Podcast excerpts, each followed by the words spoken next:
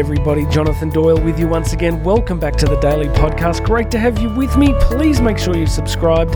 Hit that big subscribe button and uh, make sure you check out all the show notes because we have the link across to the YouTube versions. You can get free access to my book, Bridging the Gap. You can book me to speak. It is all there, my friends. It is all there. So uh, please check out those show notes. If you want to get in touch, give me some feedback or let me know a topic that you'd like me to cover. Today, we're going to jump into uh, some Stoic and Epicurean philosophy in just a moment. But I want to, I always try and look for things throughout the day that have been uh, you know, interesting and useful that I can share with you guys. You know, it's really on my heart in so many recent episodes to keep talking about the importance of movement. Uh, we tend to be a very sedentary civilization at the moment, and one of the best ways to just increase your energy, your mental clarity, is just literal physical movement. Um, I'm actually having a rest day today, which is a bit different for me. Uh, I've been pushing it pretty hard the last few weeks with a lot of long distance training, a lot of work. So uh, today's a day off. It's a Sunday in the studio, and uh, today I'm just going to kick back, relax a little bit, and uh, enjoy family and a little bit of rest so I can rip back into it tomorrow. But movement, my friends, movement as I've said in uh, recent weeks, whether it means that you start walking to the letterbox or you start running ultra marathons as I do, whatever it is, I cannot express to you enough just that we are designed to move. The cosmos is in motion and we are part of that one great cosmos. So uh, I just want to offer that to you regularly just to say, hey, the more that you can do to be active and engaged, the more the quality of your life will improve over time. I think I said yesterday that when I had my accident back in 2019, I think it was about the fourth day in hospital when I could uh, I could stand up again I started doing laps of the hospital ward and tracking my times. I had a drip in my arm, but uh, I was really keen just to get moving again, just to get my body moving. And uh, it was uh, just a little insight into my relatively obsessive personality. But listen, let's get moving. I hope that's useful to you. The other thing I wanted to share from today was um, I was up super early as usual and uh, jumped in the car to go and uh, get some petrol, some gas for my American listeners and I was in a really good mood. It was like I don't know, five a.m. or something, and uh, it was slightly less freezing than usual. And I get down to the petrol station and uh, put the petrol in, and I just think I was just radiating some positive vibes. I kind of just felt really good about the world, and I walked in there, and you know the guy's working behind the counter. He's been there all night, and he just seemed really friendly, and we had this little quick conversation, which was really positive, and. Uh, which is unusual, right? Because normally these poor guys have been working all through the night and they're often a bit non committal, but uh, we had a quick, positive conversation. And as I walk out back to my car, there's this um, big dude there, big kind of working class guy, looks like he's seen a fair bit of life. And he walked towards me and we kind of just sort of smiled and acknowledged each other. Now, I know you listen to this thing, and Jonathan, this is not profound. Like, this is this today's message? No. But it struck me that if we tend to put out um, a sense of positivity and um, acceptance and kindness towards people, so much of the time it tends to get radiated back. It not always. I know that there is the occasional office psychopath, but I think it's just worth being conscious of what we are putting out there into the world. Uh, and as much as it depends upon us in cooperating with grace, I think just choosing, deliberately choosing to have a positive disposition towards reality itself and towards the people that we encounter can make a big difference. So, friends, two things quickly in this podcast movement and a radiating positivity towards the people around you. We're not always going to do it perfectly. We're going to have off days, but I just want to offer you that to you guys and just something to think about. Just one more idea just to file away as you go throughout your day, night, evening.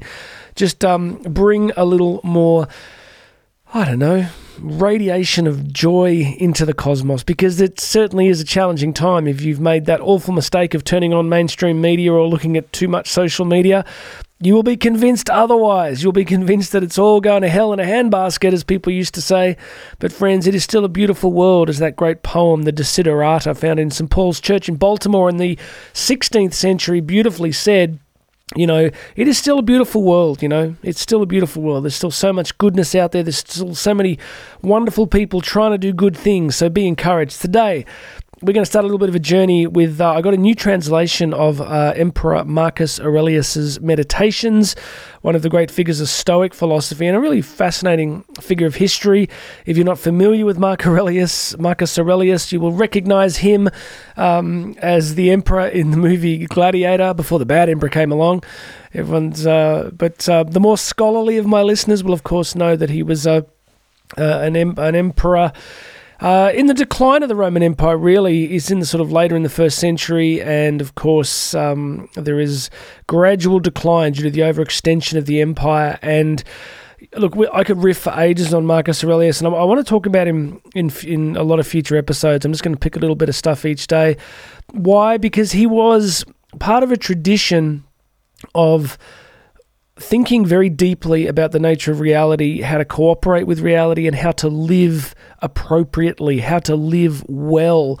I think we're in a, a cultural moment of excess and um, and cultural decline. And, you know, there's nothing new under the sun, right? Men and women for thousands of years have been living well and heroically and and obviously not everybody, but we have this great tradition in the West, particularly that we can draw upon. That's very much worth drawing upon. I was talking to my son today. We went to church this morning. We're driving back, and we often have these really great conversations. He's 12, and as you do with your 12 year old, we were talking about. Um, the uh, American Revolutionary War and the thoughts of the first US president, George Washington, on the nature of a moral people, as you do. And I was sort of saying to him, you know, that when one of the great comments that uh, George Washington made after the Revolutionary War, after the Declaration of Independence, he, he made the point that the, the project that they were undertaking, the form of governance that the Constitution delineated, was a form of government that George Washington said very specifically could only function for a moral and virtuous people. So he sort of felt that if the society became it began to lack morality and virtue, then it would become tyrannical and it would collapse. So that was said way back at the birth of the American project or the American governmental project at least.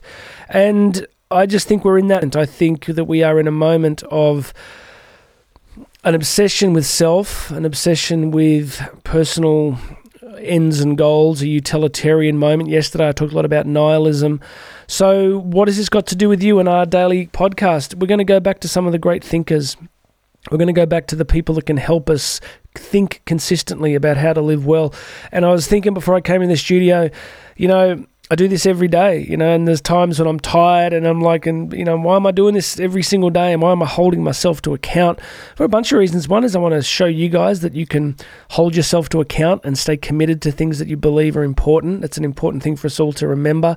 And secondly, friends, I'm doing this because I need to teach it to myself every single day. I need daily, constant reminders um, to keep moving forward. So today we're going to jump into a, a first part of Marcus Aurelius's meditations, where he's literally just writing down what he has learned from the significant people life. He goes back to his grandfather, his great grandfather, his father, his mother.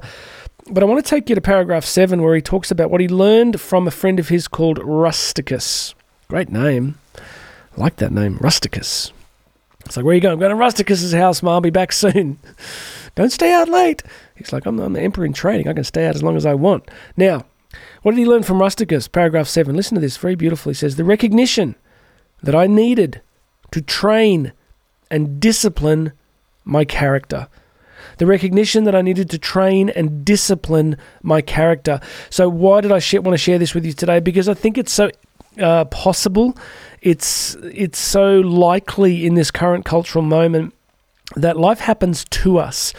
There is so much distraction, so much consumption. We are Homo economicus. We, you know, I was talking to Aiden in the car, as I said, coming back from church, and I'm like, I said, mate, so many people. I said their their lives in the absence of a of a deeper divine spiritual sense of meaning and the purpose of their lives. I said humans are profoundly spiritual creatures. Even raving atheists are profoundly spiritual creatures. Why? Because in Latin we refer to what's known as capax Dei, that which has the capacity for God, that which has the capacity for the divine. So you can bury that, you can ignore it, you can gloss it over, but that deep religious impulse is utterly essential to the human experience. It has been for from the dawn of civilization. Even in prehistory, we were deeply, you know, we were obsessed with the cosmos, the stars, the movement of the world, the, the natural world. We, we had this deep sort of mystical spiritual sense. And my point here is that in the absence of the practice of organized religion, that hasn't gone away. What's happened is that it has been veneered over with immediacy, with pleasure, with comfort, with security, and, you know, safetyism, as the last few years have taught us. But I said to Aiden, I said, so many people, their life is nothing other than the accumulation of stuff and and trying to protect their future. And it was interesting because at church today, you know, Father made the point where he said, you know, uh, he was called out late uh, on Friday night to for a hospital visit. Somebody had tragically died with no warning, just completely unexpected. And he said that, you know. Uh, that uh, he was just shocked. He was quite stunned with consoling the family that life can just go and change so rapidly that we all assume that we're going to live forever. We're going to die in comfort in our old age, surrounded by loved ones while people play violins. But, friends, that's not what actually happens. Life is fragile, it can be taken from us in a heartbeat, as I learned back in the accident in 2019. What's my point? Is that we, we've lost track of the deeper purposes and meanings of existence and the magnificence of our creation and the potential that we carry. And so many of us are living our life on a daily basis in a highly distracted and consumptive mode that we consume and we were obsessed with financial success and financial accumulation. These are good things, these are not bad things, they have their place. But what I'm getting at here in Marcus Aurelius is he's calling us back to a to a deeper level of living. So, my point is that when we're surrounded by so much comfort, when we're surrounded by so much distraction, that our life can just become automatic. Did you ever do this? Do you wake up and we're, we're, highly habitual creatures? You know, I used to wake up and I'd get have my coffee machine on, but I'd be reading social media and reading news websites and blowing an hour apart there, and then wandering through the day sometimes, doing a bit of this, bit of that. But really, the day would end. I'd be like, "What did I do?" So, this is why this paragraph is so important. Um, paragraph 7 of the first book of Marcus Aurelius' Meditations. Listen, he says, The recognition that I needed to train and discipline my character. What is our character? What is your character? I used to teach this all the time in seminars. Character actually comes we first hear about it in middle english back in about the 15th century maybe earlier. It was uh, it comes from um, i'm trying to remember the exact tra- translation but it means a mark or an indelible mark upon the soul like a tattoo upon our very spiritual core.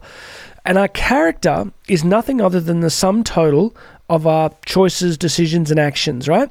So think about it. If you steal all the time, you become a thief. This is what Dostoevsky was getting at in um, Crime and Punishment. That once we move from contemplation of something to actually doing something, we eventually become what we repeatedly do. If we do lots of exercise and training and take care of our health, we become healthy. If we eat terribly and do no exercise, we become something different. If we speak the truth as often as we can courageously, we become honest. If we don't, we become liars. So you see that even in the ancient world, they understood this profound meaning of character, that what we do on a daily basis really, really matters. And what I'm convinced of is this is actually really hard. Of course, it's hard. Like, it's, I find it incredibly hard to live with character day after day and to keep working at it. But what Aurelius has learned from his friend Rusticus here is his eyes have been opened. He has realized, my friends, that he has to train and discipline his character. You know, imagine if you got some kind of you know, great big dog. Though you got a puppy, and uh, but it was one of those huge, big Ridgeback things, or some kind of Malamute or German Shepherd, and and you never trained this thing, right? Or a pit bull. You never trained it. It just kind of wanders around your house, does whatever it wants, does you know, never gets any kind of training. This thing eventually has a good chance of going off the reservation, doesn't it? I mean, this thing eventually has a chance of doing what? Reverting to its animal nature, to doing things that you may not like because that's its nature, because it's never been trained or disciplined. And Marcus Aurelius here is telling us that we have this in us. We have this untamed, unrestrained aspect of personalities that if we don't tame them and discipline and train them over time, they're going to be problematic for us and our character will fall apart. Friends, turn your attention for just a second to the political landscape. What do you see? I see two problems. I see, firstly, uh, an obsession with savior ideology. I, I see a, a belief that we are looking for a man or a woman constantly to save us, to be different to the other ones. I would like that to be the case, but I'm a realist of what it means to be human. We're angels. We're imperfect. We'll do good things. We'll do problematic things. So, you know, I think that's a problem. And I also think we have this problem of character. We have this constant problem of character in in our institutions, in politics, in civic civic life. Am I putting myself up eh, here as perfect, like I've got it figured out? No, but at least I understand that what the questions are and what I need to do and this idea of daily disciplining my character, daily being hard with ourselves, daily and consistently saying no to some things, yes to other things, no to some things, yes to some things. So, all I'm trying to do is put this on your radar. Training and disciplining your character, learning when to say no, learning when to say this is not a good thing for my life. The last thing he says here in paragraph 7 is that Rusticus taught him to read attentively not to be satisfied with just getting the gist of it. I like that to read attentively. I'm a voracious reader, but this jumps out at me because, again, though I don't use social media, I you know read a lot of high level uh, Substack content. You know, I try to read some really good people and I find that you can be rushing and not paying attention. And if we want to grow, if we want to learn, it is worthwhile creating the context, the environment, my dear friend, where we can concentrate and read deeply and read attentively and think carefully about what's important to us and what matters in the world. All right, so summary of today, what have we done? I've talked about movement. Get moving, my friends. Get moving, get moving. Let me be encouraging of you here. Start that gym program, make that phone call, walk that extra 500 meters you know, do that thing that's going to get your body healthier. Why? Because the healthier you are and the longer you are healthier, the more you can be a blessing to the people in your life. It's not about having ripped abs, so that's a benefit if you can have it. I have a couple of friends that just have genetically like no body fat, and I, I, I don't want to say that I hate them because that would just be cruel, but my gosh, there are some people that don't have to work too hard, right? But for the rest of us, the fact that we look after ourselves mean we can we can love for longer we can be more present in the lives of our friends and family and kids, and we can just keep contributing to the lives of other people. We talked about movement, we talked about my gas station, petrol station experience of um, radiating positivity to other people, and then we've gone a little deeper with Marcus Aurelius's reflections on what he learned from his friend Rusticus. God bless you, everybody. Get out there amongst it. Go train and discipline character today. Let me be that nagging voice in your conscience when you go for that third cookie today and then you go, Jonathan said, don't take the cookie. okay? Whatever it is, whatever your cookie looks like, have one, maybe two, but don't have the third. God bless you, everybody. Would you do me a favor? Would you subscribe to this podcast and would you do something else for me? Leave a review and maybe send this to some friends. Chuck it on your Facebook feed. Put it as a link in some social media, and um, but just send it out to somebody and say, "Hey, have a listen to this," because I just love seeing this grow. All right, God bless you, everybody. My name's Jonathan Doyle. This has been the Daily Message, and you and I are going to talk again tomorrow.